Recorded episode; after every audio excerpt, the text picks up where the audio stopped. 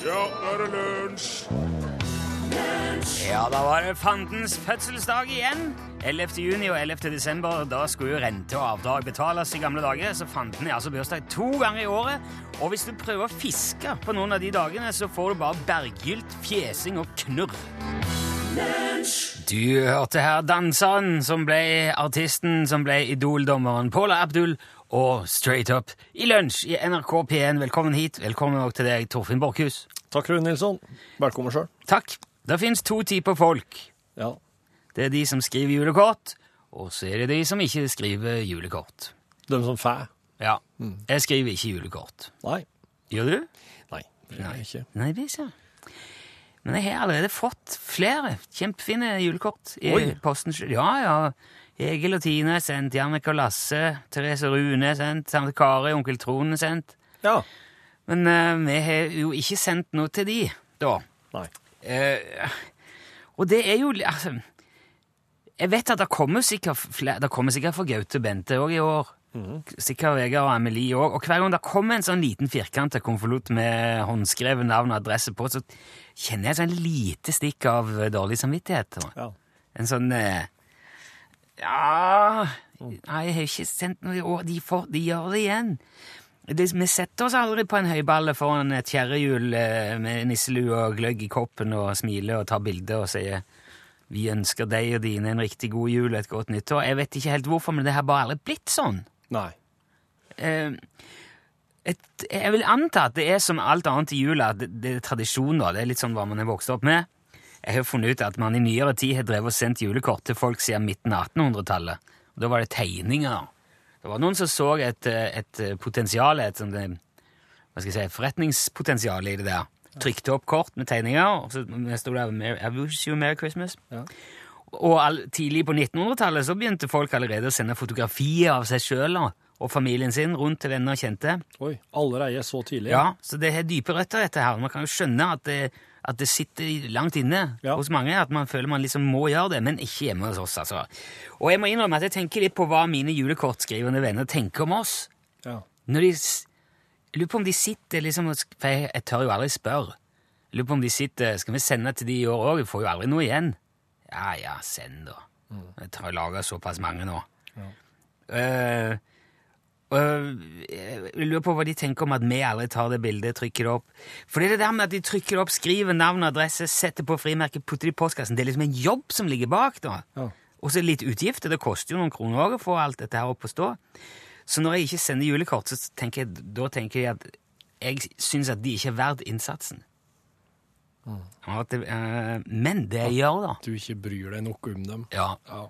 Så du gidder ikke ta et bilde og trykke det opp og sende det i posten en gang. Men det jeg gjør, da, Ja. som jeg syns er litt sånn forsonende Jeg vil bare ha sagt, Det kan være et tips til andre òg, kanskje. Ja. Jeg pleier gjerne i, en gang i romjula sende en SMS. Ja. Og så legger jeg litt arbeid i den, da. Ja, ja. ja. Og skriver en, en sånn hyggelig litt sånn jeg kan ikke, En personlig til hver enkelt skreddersydd? Nei. Nei. Litt sånn generell. Men Ja. det er SMS. Ja, ja, ja. Så det koster penger å sende den. Det er, Mm. det, som, det er ikke e-post. Nei, nei. Og, og det er liksom eh, Er det e-post du har drevet og fått fra folk? Nei, nei, nei. nei. Du har Ordentlig fått analoge kort i posten, ja. Ja, ja, Ja, ja. ja. Mm, skjønner. Eh, men mails, mail syns jeg det er litt Det er litt for lett. Mm. Eh, tekstmelding er mye mer knotete, mye mer arbeid, og det koster penger. Eh, og mm, Så jeg håper at de som får den, da, kanskje syns at det er i hvert fall nesten like hyggelig som jeg syns det er å få julekort i posten. Ja. For jeg tror, ikke, jeg tror ikke det blir kort, altså. Sorry.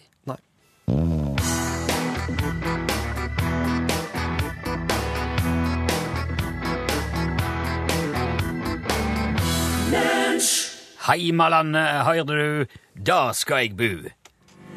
Oi! På tide med lunsj sin ukentlige bokkonkurranse. Du skal gjette en klassiker. Ja, altså en eh, bok eh, Norsk bok. Ja, i Norge. Men Jeg er blitt enig om at man kan snakke oppå den, men jeg føler det, nesten det, det, det er vrient å komme på noe som er like kult å si som det å høre sangen. Så nå er jeg litt på Slik det er det med musikk. Det er egentlig bedre å høre musikk enn å høre prating om det. Um, i, I dagens, uh, i dagens Snakk om å undergrave egen virksomhet. Ja, men uh, oss er jo her bare fordi at uh, de ikke vil spille musikk hele timen. ja. Det er jo for å fylle tida fram til neste katastrofe, for du hører jo på beredskapskanalen Det er ikke slik NRK at, P1. det er ikke slik at oss har vært her i radioen hele tida, og de etter hvert fant på at de kanskje skulle ha inn litt musikk. Nei, oss kom inn etter musikken, bare så det er klart. Og nå er det med boka. Du, I dag så har jeg en norsk bok her som, er, som på, på den tida hun kom, var det absolutt den mest eh, omtalte boka, uh, uten tvil. Oi! Og uh, i dag så må jeg rett og slett søke om lov. Uh, Jeg må søke om et unntak fra regelen. For at hvis jeg leser Skal vi se Det som på, på den si... Hvis jeg, hvis jeg leser det som står på siste side her nå, Ja. da sier jeg boktittelen. Ah, ja. Så det søker jeg om dispensasjon fra. For å si tittelen. Jeg søker om lov til å Jeg søker om lov til å ikke lese. Du kan jo ikke si titlene, da er det jo ikke noe konkurranse. Ja, da, er det bare, da er det bare informasjon om ei bok. Herlig. Kjære folk, vil du tute det, da? Skal du bare sensurere det, på en måte, eller? Eller går ikke det heller an? Skal du ta den nest siste setningen? Jo, vet du, vet du, jeg kan sensurere det. Det kan jeg gjøre. For jeg har et sånn eh, sensurpip som jeg kan bruke. Okay. For at det er nemlig lite grann til. Da, da kan jeg gjøre det. Og Mm. OK. Ja, men eh, da, eh, da tar vi oss innsendingsinfo slik etterpå. Ja, Det dette går ut på, at Torfinn leser nå første, midterste og siste setning av denne boka. Din oppgave, du som hører på, er å finne ut hvilken bok det er. Ja. Vær så god. Første side, første setning. De fleste biljardsalonger er befolket av arbeidsløse menn, og i krokene finnes det uten unntak papirrask og aske fra rulletobakk. Så blar jeg til midterste side i boka.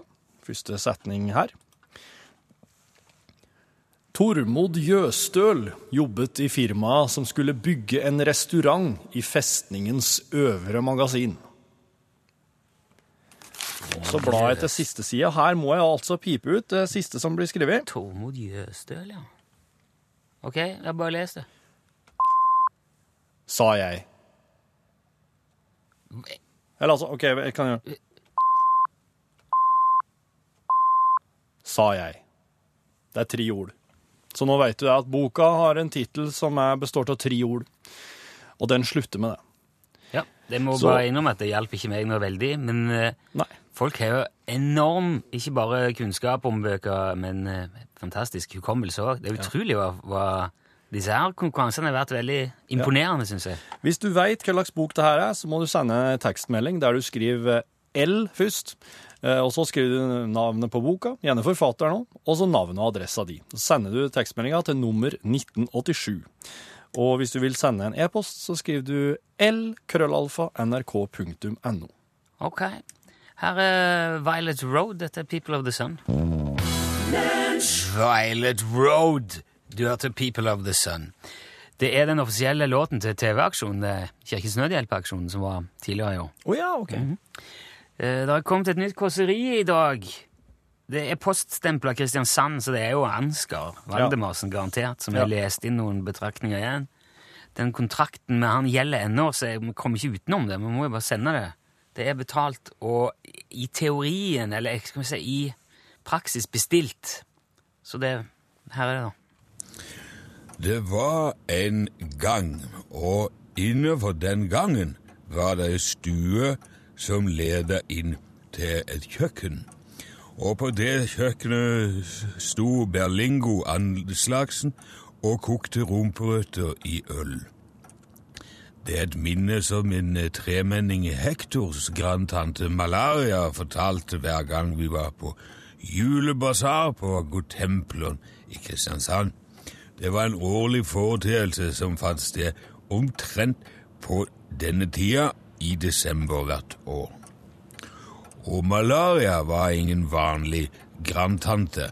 Hun hadde blå spurv i begge ørene og var dessuten både halvt og innbilsk, men hun serverte de saftigste og mest velsmakende rumperøttene på hele Sørlandet takket være arven etter Berlingo Aslaksen.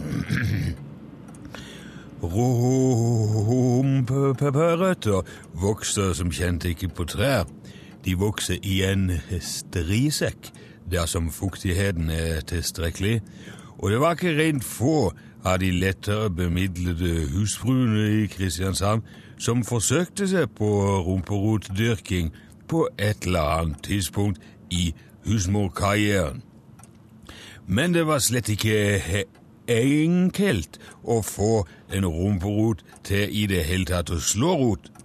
Den måtte ha både fritt leide og sterk vilje, noe som er vanskelig å mobilisere så langt nord som i Kristiansand. Derfor falt de fleste striesekkene til grunnen og ble heller brukt som uh, striesekker. Mm.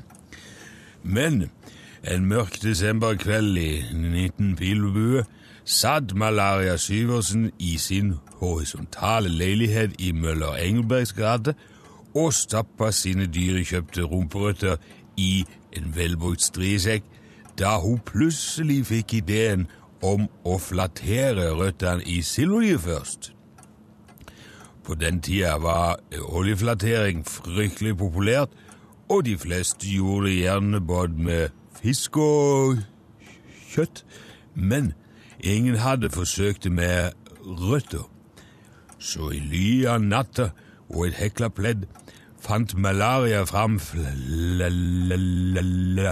sin og satte i gang. Og resultatet var like uventa som det var imponerende.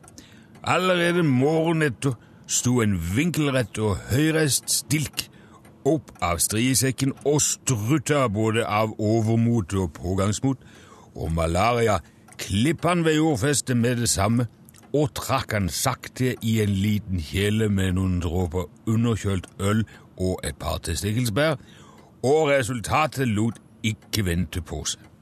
Det både lød og smakte som den mest substrale rumperot som noen noen gang hadde frembrakt.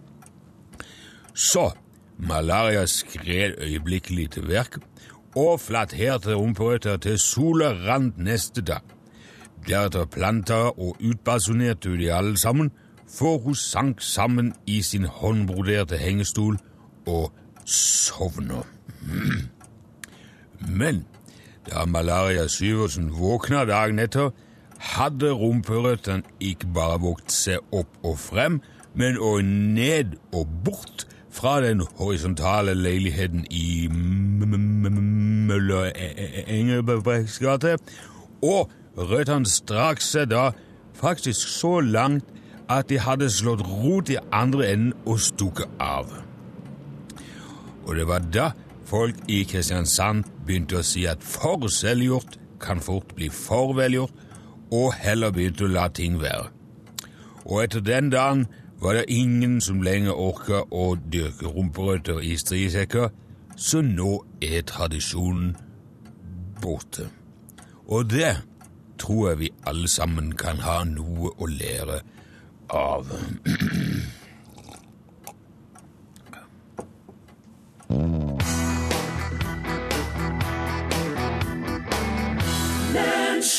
Shake It Off sang Taylor Swift for deg. Og hvis du har fulgt med i Lunsj tidligere i uka, så fikk du også kanskje med deg eh, lunsjnyhetene eh, om eh, robotmåkene i Jørmslott. Det der har jo vist seg å være mye mer omfattende enn vi kanskje var klar over akkurat når nyhetene gikk på lufta. Absolutt. Nå er jo til og med Macintosh og Lobster på saken. Macintosh og Lobster, robotmåkemysteriet. Ja, Du trenger ikke fortelle meg hva vi gjør her i Gjørmslott, Lobster. Jeg hører jo på radio. Det, det er jeg klar over, sir. Det, var- det var jo du som sa at radio var Radio er de intellektuelles TV, ja. Det stemmer på et punktum. Ja. Jeg er nok mest på internett, jeg. World Wide Web, ja. De utålmodiges TV. Hva gjør du der inne, Lobster? Jeg leser om merkelige fenomener, stort sett. Ja. Selvantenning, forsvunne sivilisasjoner, uløste gåter, hjemmefødsler. Jeg kunne fortalt deg mangt og meget om selvantenning, jeg, Charles. Aaser, kjenner du til fenomenet? Ja, jeg har jo vært gift. Å ja, stemmer! Ja. Det er snodig at du refererer til det som der inne, forresten. Ja, hva mener du med det? eh, inne på nettet, internett. Ikke 'hva gjør du der. Hva gjør du der ute?' Men hva gjør du Hva gjør du Hva, hva gjør du der inne?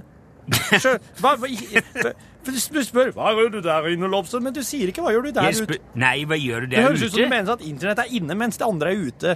Du føler, Vi har ikke tenkt så voldsomt over akkurat hvilke proposisjoner som definerer internett. Det er Nei. vel heller ikke poenget her.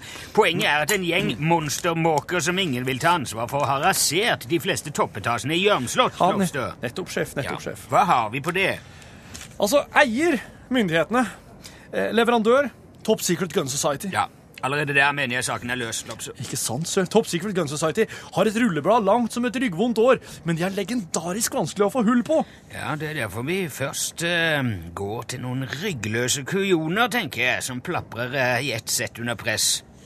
T Tystere, sjef? Nei, politikere, Lopstø. Politiker. Politikerne? Ja, det er de som har bestilt dette. Det er de som vet hvor vi må lete for å finne Top Secret Gun Society. Genialt, sir! Ja da, selvfølgelig. Vi tar den nye prøvebilen vår som de andre ikke får før til sommeren. Denne politibilen. ja, den her. Prøve politibilen. Den nye prøvepolitibilen vår, ja. Ja, den nye prøvepolitibilen. Ah, si. en BMW X5. Ja, nå snakker vi, Lobster. Ja. Det er deilig, ja. Hva slags skinn er dette her? Jeg er fristet til å tippe Disney-kyr, men det føles enda mykere. Altså. Nei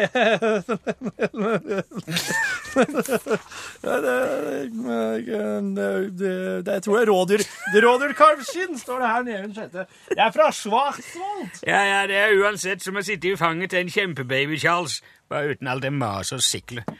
Ja. Det er vel ikke, jeg kunne ikke vært mer enig enn som så, sir. Må ikke sjekke ut uh, stereoanlegget i denne bilen også, Lobstø. Ja, la oss gjøre det. Hva vil du høre, sir? Hva jeg vil høre? Vi hører de spiller alltid Quincy Jones når vi kjører bil, gjør vi ikke det? Beklager, sir. Selvfølgelig. Ah, Ja, jeg vil si det låter bra. skal si det, den bilen her er stillegående. Det er meget stillegående. Det er nesten så jeg ikke merker at den eh, ruller, kjører full fart mot Gjørmslott engang. Nei, jeg kjører mot regjeringskvartalet, Ja, sir. gudskjelov, det er jo Ja, dit vi skal. jeg vet jo hvor Ti vi stille, jeg skal høre musikken. Ok.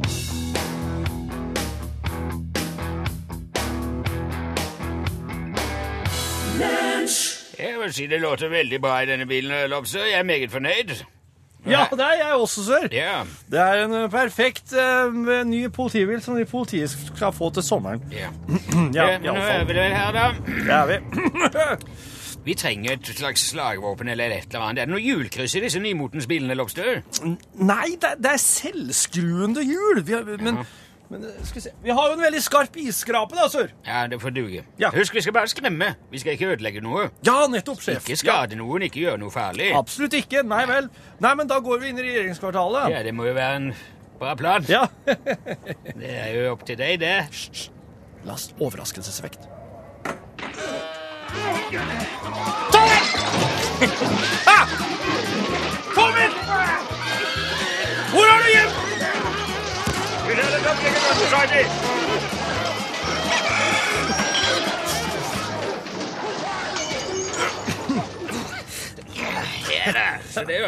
han, han, han, der, men, han der skulle i Dagsnytt 18 senere i dag, sir. Ja, det er bra for han at det er radio, da. Ja, Men det vises jo på TV også, Ja, sir. ja, han får sitte med ryggen til kameraet. Det tror jeg egentlig bare blir rart, sir. Ja, her har altså robotmåker rasert toppetasjer i en hel by, og du tror det bekymrer meg at en politiker må lyve uten et øyenbryn i et radioprogram? Beklager, sir. Beklager, sir. Slutt å beklage det. Stopp der nede, ved den blå havneterminalen, Blåsø. OK, ja vel, sir. Nå skal vi se om ikke Top Secret Gun Society må endre navn til Gun Society. Ja. Hvordan gjør vi det egentlig, sir? Du stopper her. Ja. Ruser motoren et par ganger, myser mot terminalen med iskaldt blikk, setter bilen i første, skrur på ACDC, slipper kløtsjen samtidig, sistnevnte er meget viktig, er kjører tvers gjennom porten. Der inne hiver vi oss ut og overmanner dem. Har du forstått planen, Lobster? Jeg tror jeg har forstått det, sir. Sett i gang. Her,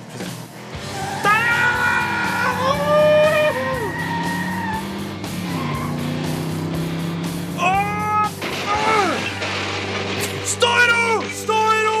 Ikke rør det. Stå i ro! Fordømt. Hvor er de Det er vel de som skal si Hvor er alle sammen? Fordømt. Er det, hvorfor er det alltid jeg som må spørre hvor alle sammen er? Det, det, det er noe skrevet slik. De har nå stukket av, alle sammen her. Se på alle måkerobotene, sør. Dette må ha vært et verksted. Ja, ja, det aner vi hvem de har vært brukt til å overvåke, Hvem da? Kjenner du den lukten? Gatekjøkken, kanskje? Gatekjøkkenlapser, Det stemmer. Men, men disse, disse fuglene spiser jo gatekjøkken. Gatekjøkkenmat, Lobstø. Gjør roboter Det det? er roboter. Spiser roboter Det gatekjøkkenmat? gjør jo ikke det! De spiser ingenting, De spiser ingenting. De har, de har bygd dem som måker for å overvåke gatekjøkkener. Ja, og hva er det regjeringen vår vil ved å overvåke gatekjøkken? De vil følge med på innvandrerne. Fordi at De er redde for For jobbene sine, Lobstø! Det er jo det evige refrenget de kommer til Norge fulle av håp, utdannet som rakettforskere, kirurger, bioingeniører og naprapater. Og hva er det som skjer? De må, jo, de må jobbe som renholdere eller i, i gatekjøkken, eller enda verre, renholdere i et gatekjøkken. Nettopp, Lobstø. Og et sted der ute, blant vaskebøtter og frityrgryter, finnes det en enda bedre duo enn oss, Lobstø. En duo som hadde løst denne saken mye raskere enn oss. Det finnes en mye bedre Det finnes en mye bedre statsminister òg der ute blant Nettopp, Lobster. Og finansminister. Hele apparatet er bedre der ute, Lobster. Det er de som er mest elendige i jobben sin, som er mest redd for jobbene sine, er politikere. Se her, sjef! Ja, En god gammeldags telefonsvarer. i all verden. Trykk på den, Lobster. Hello. This is Top Secret Gun Society. You may never talk about us again. First warning. Ja, nå har vi ristet i buet, og Nå er de redde. Nå er det bare å samle sammen restene her.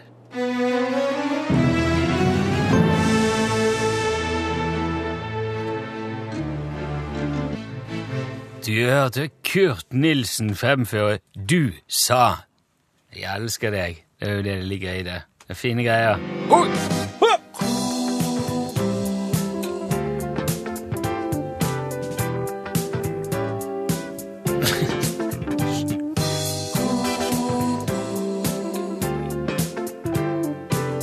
Ikke K.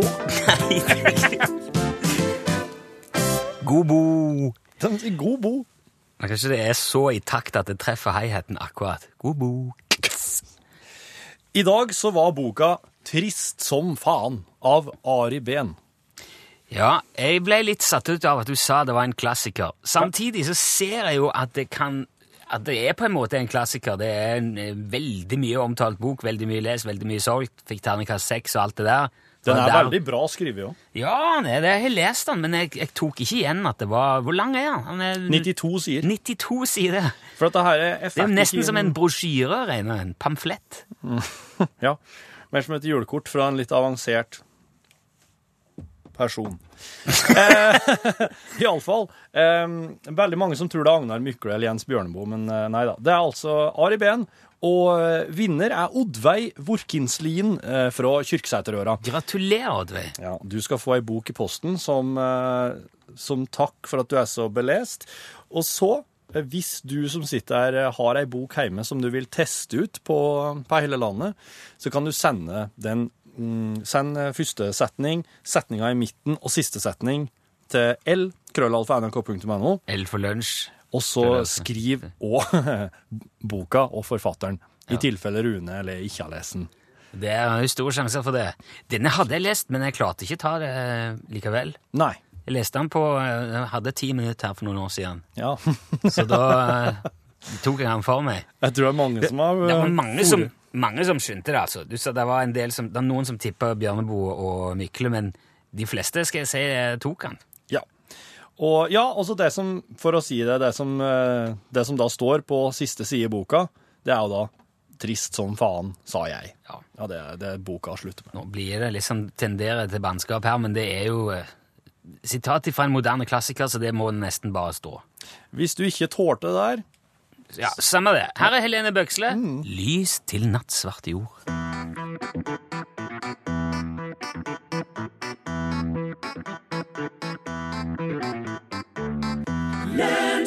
Lys til nattsvart jord. Helene Bøksle, hørte du der. Vi driver jo i disse dager og resirkulerer litt eh, julegavetips fra i fjor. absolutt. Du var hos eh, Ståle Utslagsnes. Fikk demonstrert en haug med eh, cutting edge, som det heter på, på engelsk, produkter. Ja. og varer og tjenester. En, en rekke snarveier, som jeg Ja. nesten vil si det.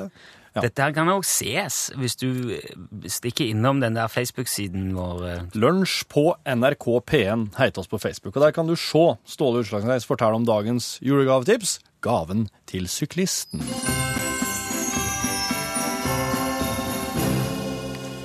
Ståle, Ja, nå går bandet. ja, jeg vet det. Det betyr at det er i opptak. Ja, det er julegavetips, vet du. Ja, kom igjen. Ja, ja, jeg skal bare ha krem og Hvor er han?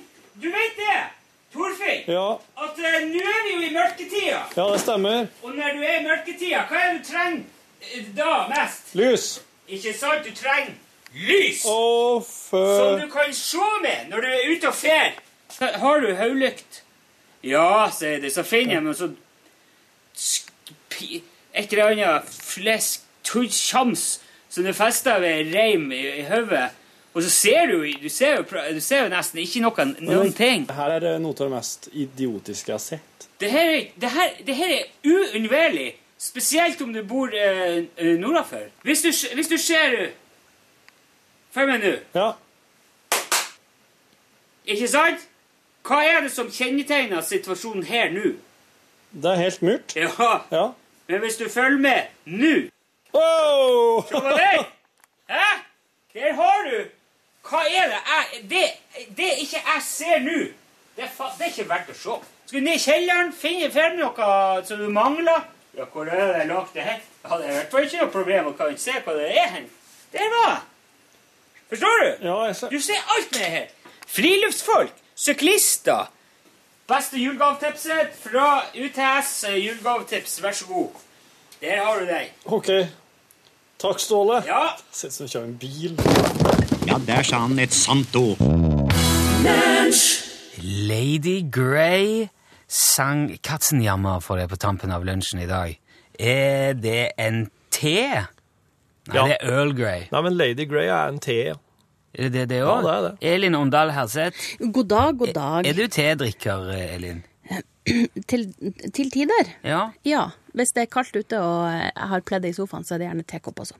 Ja meningen var jo nå at du skulle si eh, Ja, det, er, og det er en te. Ja. Eh, jeg må innrømme at jeg er litt mer på sånn kanel og eple og, og, og sånne ting. Kanel og eple er jo veldig bra stoff, Ja, da. ja, ja. En annen ting som jeg gjerne kan spørre om mens du er her. Sender du julekort? Nei. Ja, det er så godt. Jeg er skikkelig dårlig. Å Å ja, oh, ok, det var bra. Jo, Jeg er ikke et, en utskudd her i, i studio, altså. Nei, eh, vi snakket om det i starten i dag. Mm. Jeg gjør ikke heller det, men jeg har alltid litt sånn dårlig samvittighet nå på denne tida, for det kommer så mange andre julekort Ja. fra folk som er mye mer og julete. Mm. Jo, men det kommer gjerne, har jeg merka, når folk begynner å, å, å produsere, eller reprodusere seg sjøl. Da Ja. kommer gjerne disse julekortene. Ja, det er mulig det. Ja. Men jeg har jo gjort det òg, men eh, Ja. Jeg sender SMS. har-. Ja. Ja. det er noe hyggelig, det òg, da. ja, men jeg syns jeg skal ut ifra responsen og sånn, og det har jeg gjort av undersøkelser i dag, så skal jeg leve med det. At det er greit? Ja. ja ok. Ja, du har fått respons på det, ja? Eller- Ja, det er jo så å si at du kan jo aldri erstatte håndskrevne julekort. Og så er det en som sier at alle eh, telefonabonnement har jo mer eller mindre gratis SMS inkludert, så du, jeg får ikke noe poeng for at det koster penger, det der heller. Men, eh, nå, nå blir det sånn. Jeg er et barn av 2014-tallet nå. Nå er det norgesklasse, Elin. Det er jo det. Ikke dvele ved det. Nei, men det er helt, helt greit. det. Har vært litt sånn eh, Vi har tenkt litt, vi også, litt over, over ting folk gjør, da. Ikke julekort, men eh, jeg lurer litt på det her med Jeg vet ikke om dere har det kanskje sjøl hjemme? Sånne bokstaver. Home eller love ja. i, i Nei, stua. nei, ikke det, Du altså. har ikke det? Nei. Nei, for jeg lurer litt på om at Vet man ikke hvor man er henne når den sitter i sofaen?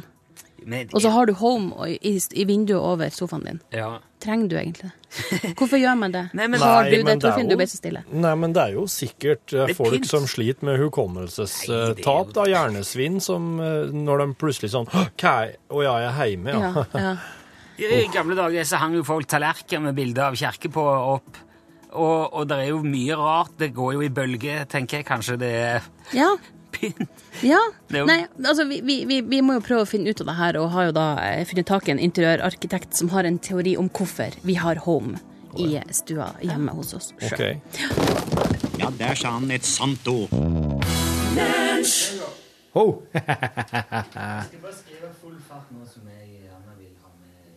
Ja, OK. Heftig shit. Ja, eh, nå skal jeg ta og um, flekke fram her. En e-post jeg har fått, oss, oss har fått fra Fredrik Norum, som heter 'Nye utfordringer'. Jeg justerer mikken litt sånn der. For et par år siden drev vi og bygget et eller annet på gården. Jeg husker faktisk ikke hva. Mulig det var en utvidelse av den ene møkktanken. Plutselig og ganske uventet gikk vi midt i prosessen tom for lekastein, og jeg måtte i all hast slenge tilhenger Jo. og jeg måtte i all hast slenge tilhengeren på pickupen og kjøre til byen etter et påfyll. Akkurat idet jeg var i ferd med å kjøre hjem igjen med en palle lekastein på tilhengeren, dukket opp en bekjent som kunne fortelle meg at det var i ferd med å etablere seg en eller annen form for uniformert kontrollvirksomhet på strekningen mellom der jeg var da befant meg og hjemme. I fellesskap kom vi frem til at det kunne slå fordelaktig ut for meg dersom jeg tok meg tid til å fordele lekasteinene jevnt utover i tilhengeren, heller enn å ha dem stående på en palle. Så det tok jeg meg tid til, før jeg satte i vei hjemover. Full av selvtillit over min fabelaktige lastsikring nærmet jeg meg kontrollen, som skulle vise seg å være utført av Statens vegvesen. De var ute etter førerkort og vognkort. At tilhengerens vognkort befant seg i et sirlig bortgjemt plastrør på tilhengerstaget, hadde jeg selvfølgelig ingen anelse om. Derimot kunne jeg med lynets hastighet slå fast at førerkortet mitt befant seg i pengeboka som lå i høyre jakkelomme hjemme i yttergangen. Vognkortet tilhørende pickupen fant, fant jeg heldigvis i hanskerommet. På dette tidspunktet måtte jeg bli med ut av bilen og bort til Statens vegvesens bil, hvor den hyggelige mannen kunne slå opp navnet mitt på en datamaskin, og på den måten raskt finne ut at jeg ikke hadde sertifikater nok til å kjøre en så stor bil med tilhenger etter. Jeg hadde jo bare klasse B, og ettersom pickupen hadde såpass stor egenvekt, hadde jeg knapt tillatelse til å trekke en trillebår etter den. Og selv om den hyggelige mannen var enig i at det totalt sett nok var tryggere for meg å trekke tilhenger med pick- med pickupen enn med min egen personbil, noe som ville vært lov, så var han nødt til å foreskrive en aldri så liten bot på 5000 kroner. Lastsikringen ble ikke nevnt med et ord av noen av oss. Litt tett i nosa her. Vel hjemme ble det bestemt at vi skulle koste på oss en utvidelse av mine sertifikater, og vi kom frem til at lett lastebil med tilhenger var hensiktsmessig. Med et slikt sertifikat i hånd kan man traktere bil og henger på opptil 12 tonn, og da er det nesten ikke grenser på hvor mange lekasteiner man kan kjøre rundt med. Men det skulle vise seg at det var mye lettere bestemt enn gjort. For det er ingen i Vadsø som tilbyr opplæring i tyngre kjøretøy. Det må man til Lakselv for å lære seg. Og for å sette ting i perspektiv, kan jeg nevne at det tar fire timer å kjøre fra Vadsø til Lakselv. Det er nøyaktig like lang tid som man bruker fra Trondheim til Molde, eller til Majavatn hvis man kjører nordover. Og det sier seg jo selv at man ikke kan drive og kjøre åtte timer om dagen for å få en kjøretime. Så jeg ble nødt til å booke meg inn på hotell i Lakselv en uke for å få dette i boks. Og det gjelder jo å holde kostnadene nede, så da Gunnars kjøreskole anbefalte et sted bare to minutter unna kjøreskolen, som de til alt overmål har en avtale med som gjør at det bare koster 345 kroner natta, da slo jeg til. Folk var veldig fornøyde med plassen, sa hun. Hun som jobber på Gunnars kjøreskole, da, så klart. Ikke Gunnar. Hmm. Jeg burde jo kanskje ant at her var det en lukt, lunt, lunte å lukte, men ettersom jeg var lovlig sent ute med å organisere overnatting, så lukta jeg ingenting. Men nå, her jeg ligger i underetasjen av en køyeseng på en syltynn skumgummimadrass, så lukter det litt rart. En blanding av fuktig badstue og muggsopp lukter det. Eller akkurat nå lukter det ikke, for man venner seg jo til lukta. Men når jeg kommer inn på rommet, da lukter det. I sted forsøkte jeg å etablere meg på en slags fellesstue i enden av gangen. Jeg tenkte jeg skulle lese litt, og ettersom det bare var én eldre herremann der fra før av, som så på TV 2, så siktet jeg meg inn på en godt opplyst sofa i den andre enden av, rommet, av rommet. Til min overraskelse oppdaget jeg at det lå en eldgammel hund ved den sofaen, og da ble jeg glad. Jeg er veldig begeistret for hunder. Men den eldre herremannen, som viste seg å være eier av denne hunden, sa at jeg helst kunne finne meg en annen sofa, og at jeg skulle la hunden være i fred.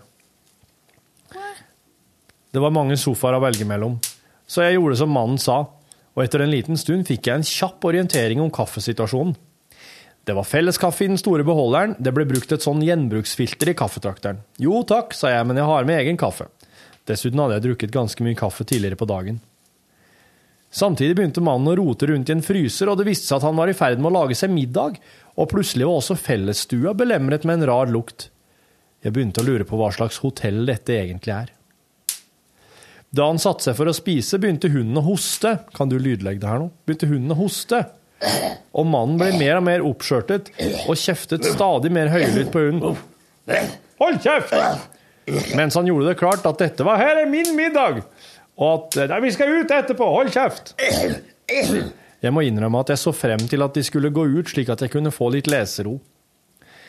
Idet mannen og hunden er på vei ut, kommer det nok en mann inn i stua, og disse to kjenner tydeligvis hverandre. Men den nye mannen setter seg til å se på TV, så nå får jeg endelig lest litt. To minutter senere var mannen og hunden ferdige med å være på tur.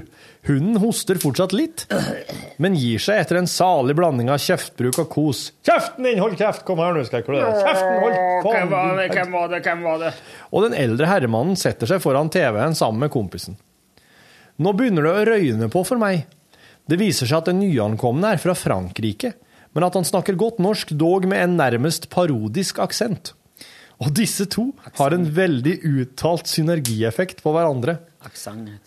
Den eldre herremannen kommenterer alt som skjer på TV, på den spesielle bedrevitende måten som bare enkelte eldre herremenn behersker, mens den franske mannen svarer overrasket og underdanig slik bare folk som vil beholde husfreden kan. Jeg gikk tilbake til rommet like etter at en annen mann hastet inn på stua og lurte på hvor Gunnar var, og fikk til svar at Gunnar var på hybelen sin, han. Jeg tror disse folkene bor her på fast basis. Vel tilbake på rommet, som er laget av papp, forsøker jeg å lese litt mer. Men det er vanskelig, for like over gangen bor det tydeligvis en finsk fyr. Det kom i alle fall en finne og banket hardt, gjentatte ganger, på døren mens han sa ting på finsk. Nå må du være med og lydlegge her. Ja, jeg, prøver, jeg, prøver jeg, helt Og finner vet ikke hvordan man snakker med innestemme, noe som gjør at det alltid høres ut som de er i ferd med å drepe hverandre, mens de kanskje i realiteten diskuterer sommerfugler. Det er helt umulig å si for et utrent øre. Så her ligger jeg, da, i en seng det er umulig å sove i, mens jeg lurer på om noen nettopp ble drept på naborommet. De har forresten en kjempefin vedfyrt badstue her. Tidligere i dag var jeg fast bestemt på at den skulle brukes så mye som mulig i løpet av uka, men nå har jeg oppdaget at det er finner her. Opp, nå, jeg, nå når jeg har oppdaget at det er finner her, er det selvfølgelig helt utelukket å begi seg ut på noe sånt. De lukter jo damp på flere kilometers avstand, og kommer løpende i flokk for å kose seg og snakke høyt og le av søringer som ikke kan ta damp. Fredrik. Herregud.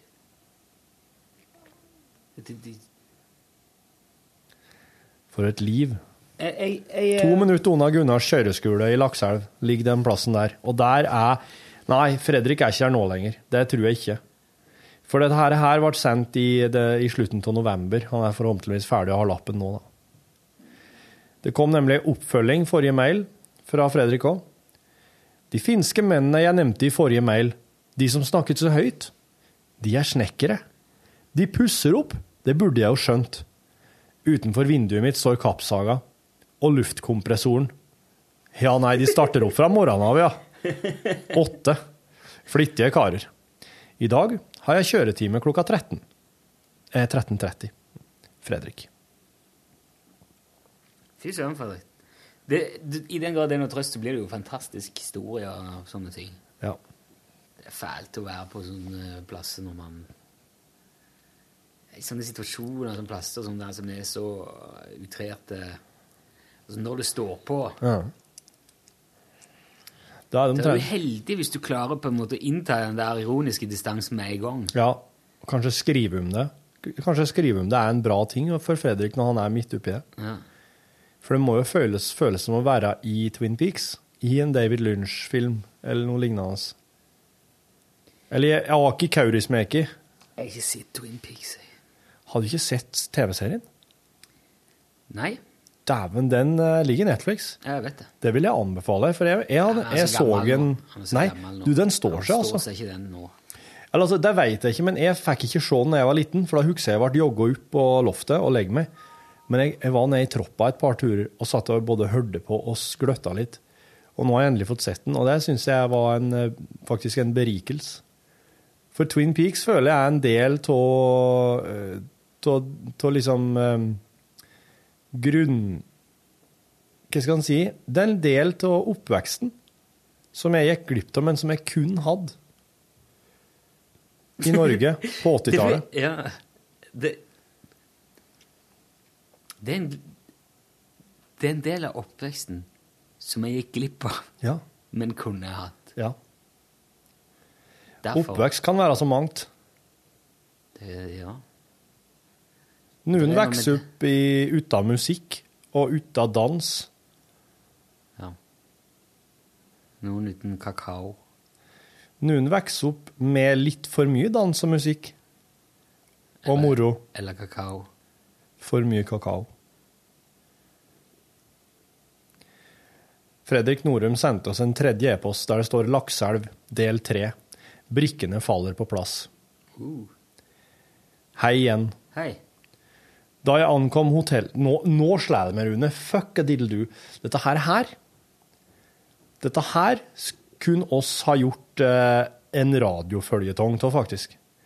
Og så hadde jeg fortellerstemme, og så hadde oss hatt dramatisering av de tingene Fredrik beskriver. Ja. Det kunne faktisk vært en lakseelv del 1, del 2 og del 3.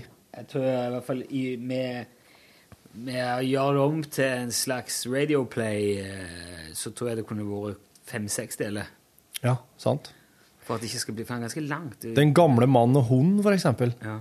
Dæven smuttu. Og disse finnene som krangler på naborommet, som er laget av papp. OK. Lakseelv del 3. Brikkene faller på plass.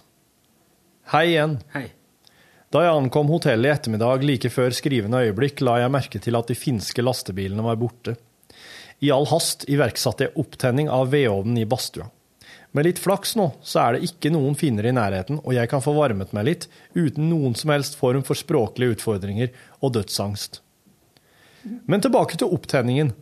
Mange vedfyrte badstuer er oppsatt med en vanntank rundt ovnsrøret, slik at lufta blir rund og fuktig, og for å gi tilgang på varmt vann for kroppslig rengjøring.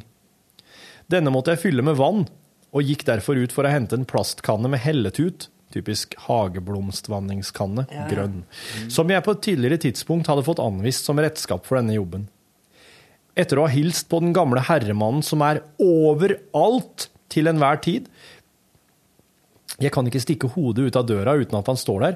Da jeg gikk inn for å fylle plastkanna, åpna han faktisk den vindusløse døra for meg fra innsiden. Jeg tror jeg begynner å kalle ham for Kvantemannen fra nå av. For dere vet hvordan sånne kvantepartikler i prinsippet befinner seg overalt samtidig på én gang, helt til vi ser på dem. Sånn er Kvantemannen. Han er til enhver tid overalt, helt til jeg åpner en dør. Da er han ved den døra. Uansett, jeg sto og fylte på denne plastkanna i en utslagsvask da jeg la merke til at det var risset inn noen bokstaver i den. Lakselv mottak, sto det. Aha, nå skjønner jeg. Og da husket jeg også at jeg på slutten av min karriere i NRK hadde skrevet ut en sak om dette mottaket, og at hit skulle det ungdommer. Etter litt googling kan jeg nå avsløre at det, at det i 2009 kom, eller skulle komme, 32 mindreårige asylsøkere hit. Til dette bygget. Og at daværende fungerende rådmann sa følgende UDI har befart anlegget, og de sier det er meget god standard på det som blir stilt til disposisjon, sier Andresen. De der folkene i UDI, altså. Det er alt annet enn meget god standard her. Det spørs jo selvfølgelig på sammenligningsgrunnlaget. Hvis ditt tidligere bosted var en teltleir eller ei hule eller noe sånt, da er det meget god standard. Men jeg betviler på det sterkeste at dette stedet er i nærheten av å oppfylle visse tekniske krav som staten stiller til vanlige folk som skal bygge seg en bolig. Men, men. Ikke sant? Nå vet jeg i alle fall hvorfor det er så inn i helvete gulvkaldt her, og hvorfor veggene er av papp. Fredrik. Tusen takk, Fredrik. Fytti rakker. Ja, ja, ja. I slutten av november, der vi vært, ligger vi så langt etter nå. Ja. Det ligger et stykke etter på eh, e-postene. Ja, vet du hva, nå er det eh, Det er veldig hektisk tid. Hva kan man si? Nei, det er Du sa det der. Jo, det. Tida før jul. Det er alltid en liten maraton. Marathon. Tom Kjærstad har sendt oss en e-post der det står 'musikkhistorie'. Hei, Tom! Hei sann. Det var kjekt å bli bedre kjent med våpeneksperten i fredagssendingen. Jeg kunne blitt med å jakte på blå hallingskarver og ha pensjonerte russiske sirkusbjørner når som helst. Jeg har et tema for podkasten som sikkert flere enn meg er interessert i, og det er musikerpraksisen til begge. Jeg vet at Rune har spilt synt i bluesband og sunget i kor, Og jeg vet at Torfinn spiller i Thousand Island. Charlie Rackstead vet vi jo om, og jeg aner hvem som spiller bass, men hva med resten av besetningen? Hvis dere kunne fortelle litt, og gjerne krydre med morsomme historier, så hadde jeg blitt glad. Vennlig hilsen Tom. Du, det det går fint an. Charlie Rackstead eh, består jo av Det her er jo en eh, spoiler, så hvis du ikke vil vite det, så bør du skru av nå. Men Charlie Rackstead er jo Rune Nilsson. Det er ikke Det er ikke en spoil, det er bare ikke uttalt. Nei. Jeg tror ikke det er Det er ikke ikke akkurat vanskelig tilgjengelig informasjon heller. Nei da, det er ikke jeg. Og eh, på banjo og dobro og kor, Morten Lyen, som dere tidligere har hørt som radiotekniker i lunsj, men eh, som nå har eh, andre, andre sysler her i kringkastingen. Morty Lion. Morty Lion. En uh, høg uh, Heidøl fra Heidale i Oppland i Gudbrandsdalen. Med briller og hatt og svart bukse og svart skjorte. Man skulle helst sett at han fikk på seg hengslebukse og stråhatt. da. Snekkerbukse, altså, så Ja. for de som ikke snakker Ja. sånn som Og så er det en uh, Sonny Johnson. Det er da Sola Johnsen. Det er, han er musikkprodusent her i P1, men han er jo òg trommisen i DumDum Boys. Og han har vært trommisen i DumDum Boys helt siden de var vannskrekk. Og så er jo eh, Bass Johansen da på spaker og knapper. Det er Børge Johansen. Han og hørte dere iblant som radiotekniker for lunsj. Fikk et spørsmål om Og så er det jeg som spiller bass, det har du helt rett i, Tom. Jeg Fikk et spørsmål på SMS her forleden om eh, altså, Det sto eh, Tidligere drev dere og presenterte en tekniker i starten. Er det sånn at han er vekke? Ja. Kanskje burde det vært en idé å få han inn igjen? At det da hadde blitt litt mindre rot med lydeffektene og sånn? Ja. Ja, det, det, alt har sine sider, da. Det har det, det har det. Men jeg, jeg ser den. Jeg, jeg, men, men samtidig så Det var, det var en grunn til at oss, eh, oss ønska å styre den sendinga her sjøl, teknisk. Det er ikke så innmari lett. Og, altså, hvis du sammenligner med Norgesglasa her og nå, som går ifra lignende studioer her på huset, så er det totalt forskjellig eh, teknisk eh, utførelse. De har gjerne gjester, kanskje gjestene er på linje, som det kalles, at de sitter en annen plass i eh, verden eller i Norge og, og prater, men det høres ut som de sitter i samme rom. Da er det jo teknikerens jobb å Det er jo ikke teknikere i norgesklasse, da. Nei, nei, nei. Det er det ikke. Her og nå er det vel det. Her og nå har tekniker. Ja. Det er jo liksom gjester og linjer og den tingen, disse tingene der. Ellers er det jo litt sånn kjenninger som sier NRK P1 og Her og nå med Trond Sot Ryen eller Det er å fyre disse lydtingene der, og så fyre musikken. Men i lunsj så er jo det der, der det er bare Ja, det er ingenting. I lunsj så sendes det jo lyder og jingler og underlag og effekter og i hytt og gevær. Og det er jævlig vanskelig for en person som eh, står utenfra, som kommer rett før i sending, og skal, og skal forholde seg til det her, alle de tingene han også har gjort klar, og skjønne når det skal sendes, akkurat hvilket sekund, om det skal prates før eller etter. Altså, ja. Ja, det, det, det som var litt problemet, er at det, der er, der er jo ganske mange Eller mange, der er, var det fem, seks? Fem, seks? Der var jo teknikere. Det var jo Morten og Bjørn og Remi og Martin. Martin og Børge var innom eh, Hva er det nå jeg har glemt? Det blir en stund siden. Og de, gikk, de alternerte. da. Så vi var liksom aldri eh, det, det, Du hadde aldri samme person tre dager på rad, for eksempel. Det ble oss to, og så var det en, ny tekniker liksom hver Mm. andre-tredje dag på, på omgang. Og vi sitter her på kontoret og koker sammen den timen ja, i timene før vi går på lufta. Og da, da legges nå er, det, er det ganske sånn samkjørt, og vi har liksom koder enkelte ting sier vi ikke engang. Vi må bare nikke og nesten si små kodebeskjeder. Og, Ja. og så kommer vi opp, og så kanskje har vi gjort om på noe og sagt nei, nå, vi bruker sånn underlag på det der når vi ringer eller et eller annet. Og så viser det seg at vedkommende som er tekniker den dagen, har jo ikke hørt det. Og vi kommer kan, går ikke rundt å huske hvem som har fått beskjed om hva og hva. Som, så det var faktisk mer Det var mer sånn eh, lok og frustrasjon da enn det er nå.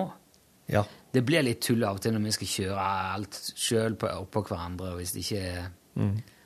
ligger det kanskje noe som er flytta plass. Og, men eh, stort sett så går det jo greit. Ja, og, men nå er det uh, En annen ting som òg slo meg, eller slår meg nå kanskje ja, enda sterkere, er at det var på ingen måte noe særlig lett å kjefte på og skylde på radioteknikeren når noe gikk teknisk Nei, feil. det er ikke noe hyggelig i det hele Nei. tatt.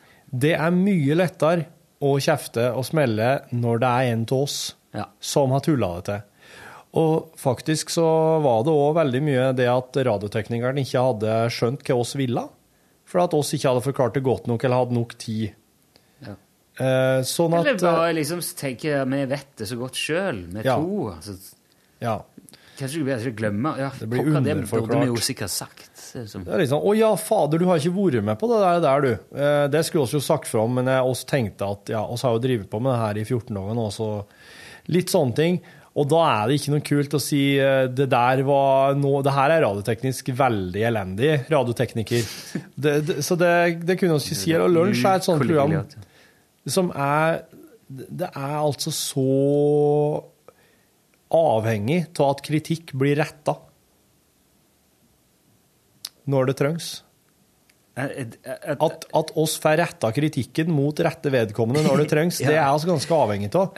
Hvis oss ikke får ti utblåsninger der og da, så gikk oss glipp av en kjempebra anledning til å ha en utblåsning. Og det er viktig, da. Ja, det er det. Sånn hvis oss blir sittende der og he-he, ja, he-he, he, Nei, det- i å si Faen steike, altså! Var kauking. Svein Ove, din jævla radiotekniker! Du skulle faen meg gått grunnskole om igjen. Sånn. Det hadde vært utidig egentlig uansett. hvem Det hadde vært veldig utidig. Ja. Var det noe uh, Har du spilt i andre band? Nå kjente jeg ble litt sånn nysgjerrig når Tom spurte. Har du spilt i andre band enn Thousand Island? Ja. Um, jeg har spilt i ehm, et band som, som jeg ikke lenger husker hva heter. eh, For at eh, det, de har nemlig Det var et bluesband. Alle har spilt i bluesband. Ja, og Det må jeg man hvis man skal spille et instrument på et tidspunkt. Jeg Jeg, tror det er tvang. tror de hei, Altså, jeg tror de heter slow drag nå. For det, det er en type dans, slow drag. Men jeg tror oss het noe annet da. Og det her er litt pinlig at jeg ikke husker, for at eh, um, Nå, det slår meg nå at jeg har spilt i et bluesband som jeg ikke husker navnet på. Ja, Ha, der ser du, vet du. det var litt, det var litt kinkig. Hva var det for noe? Det var hjemme i kjelleren hos Kåre. Var det. Ja. Og det spørs om jeg noen gang kommer til å klare å huske. ja. Men så har jeg også spilt i bluesband som het Silly Walk, det husker jeg. Og så hadde vi et popprosjektlignende greie i Egersund som het Dave. ja. Dave fordi det var et navn, og det bandet måtte ha et navn. Så det var jeg som fant på Dave. Ja. Um, var et singel. ja. Open Your Eyes, heter den. Men dere, er ut- dere, dere ga ut flere, eller er det, er det tre låter på singelen? Ja, det var fire, tror jeg. Ja. Ja, jeg tror fire. Det ble nesten en EP. Ja. Mm. Skjønner. Extended Player. Ja. Mm. Ja, nei, det var, det var, det var, det var bluesen eh. Jeg spilte jo et band på, når jeg bodde på Hamar eh, etter bluesperioden, men det, det ble aldri livespillinger. Vi hadde jo egentlig et sett inne, men eh, så ble det jo flytting og forskjellige ting, så det skjedde ikke noe mer med det. Men eh, eh, her i Trondheim så har det kun vært Thousand Island, men Thousand Island heter jo på et tidspunkt eh, eh, Dritkeen, Lovebeef og NRK Sør-Trøndelag. Så så endra navn. Men nå har vi funnet Thousand Island. Der blir oss. Ja, ok. Jeg mener fortsatt at det burde hete Thousand Islands in the Stream. That is what we are, no one else between. How can we be wrong, sail away and we'll be to another world and we rely on each other? Aha. Aha. ja da. Men det kan jo det kan jo en si at oss heter bare Thousand Islands, som er kortformen. For jeg tenkte først Thousand Islands in the Stream. ja. Og det blir liksom, Hvis du ikke har hørt det, så kan du ta med litt mer av den teksten. Og så slutter det med aha. Og det er jo bra. Alltid bra. ja. Det er alltid bra. Nei, vet du, nå skal jeg gå i et møte med den her, det produksjonsapparatet til Charlie Racksteads julekonsert. Ja, vet du hva. Ja. Det er altså i ferd med å bli et tivoli av de sjeldne. ja. Der er så. Vi har gravd oss Jeg skal fortelle, jeg kan fortelle deg hva det er du skal ta møte om Ja, det kan du gjøre. mens du gjør det. Jeg vet ikke om vi Har vi gjort det i det hele tatt? Fortalt om det der, hva det er vi driver med? Nyttårskonserten. Ja, i jeg, møte, ja. ja, hilse, da. Jeg er så glad for at han bare går og tar noen av de møtene, for det, det er så mye kokker og så mye søl nå. I fjor hadde vi på nyttårsaften i lunsj eh, nyttårskonsert med Charlie Rackstead and The Sticklesbergen Ramblers. Og som informasjon til styret Det er jo litt sånn inside. Det var juks, det der.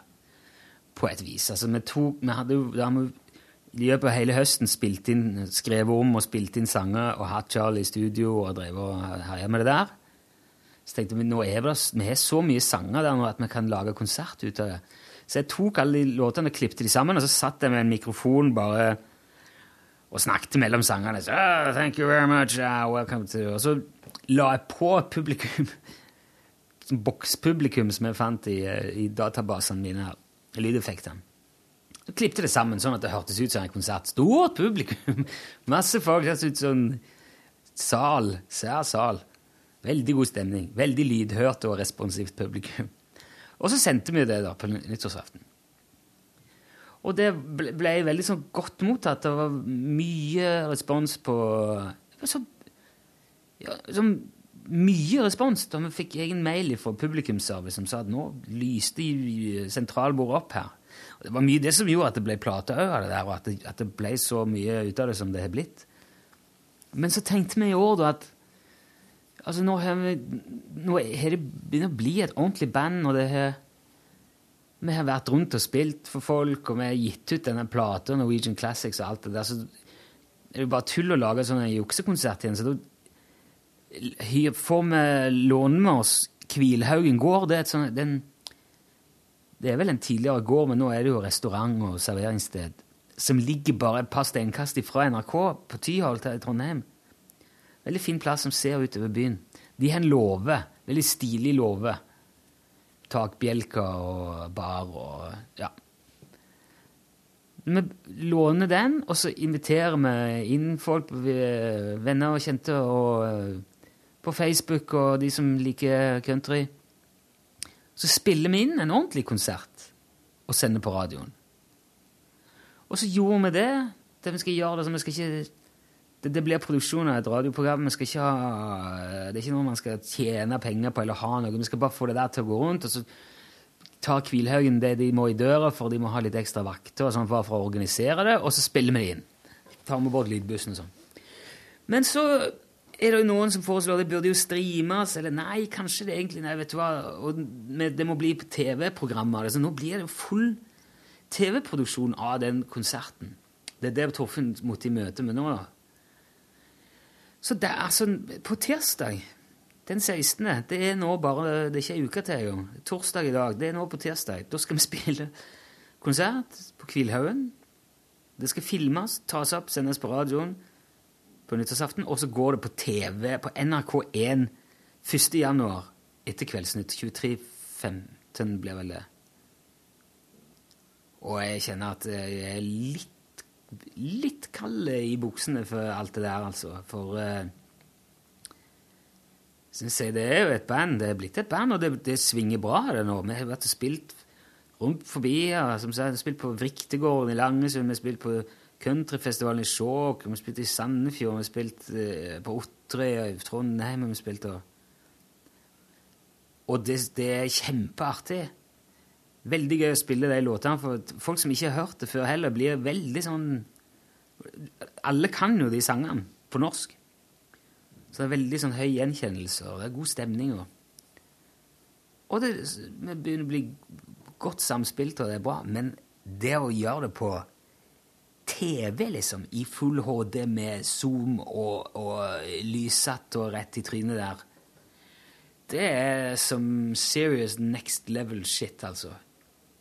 Og Jeg har nå litt erfaring med TV òg, så jeg vet jo hva det innebærer. Jeg ser jo hva, de, hva de baler med det her opplegget. Og de skal inn og bygge scener, og det skal lyssettes, og det skal eh, Ja. Men nå er det jo Nå ruller jo den snøballen så jæklig i, da, så nå er det jo bare å holde seg fast best man kan. Så får vi bare spille og håpe det går skuta går rundt. Men derfor var det altså Torfinn gikk i møte. Det er jo grunnen, den indirekte grunnen til at i det siste så det har vært litt sånn sporadisk med bonuser. For det, det koker så sinnssykt her nå. Med ting som skal på plass før jul, og sendinger som skal være på plass før jul, og denne konserten og der er Vi skal òg til Asker kulturhus og spille på fredag. Neste fredag om ei uke.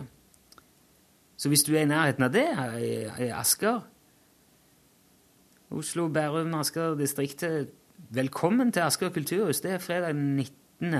desember. Jeg, jeg, jeg, jeg aner ikke hvordan det ligger an med sånn billetter, sånn, men hjertelig jeg tviler på, kan aldri forestille meg at det skal være utsolgt på noe vis. Så hjertelig velkommen hvis du vil. Um, og så er det jul. Og jeg kjenner det skal bli litt godt. Men vi skal ha sendinger nesten hele jul. Vi skal ha sending på julaften òg. Da blir det Ajax og de små ermene. Og så blir det litt sånn Det blir litt uh, gjenhør av uh, høydepunkter, snacks og highlights i, de sendingene der framover. For noe må vi ta opp på forhånd. Det er ikke timer nok i dagen til å få alt på plass. Men jeg lover vi skal, det skal bli fine ting for det, altså. Man skal ikke gå tomhendt eller slukøra fra lunsjen. Men med det perspektivet så må jeg skrive ut nå til i morgen og forberede det, for da er det fredag, og så er det bare slag i slag. Så derfor sier jeg nå god tilstand. Vi høres plutselig i en MP3-spiller eller radio nær deg. Ja. Shalom! Hør flere podkaster på nrk.no podkast.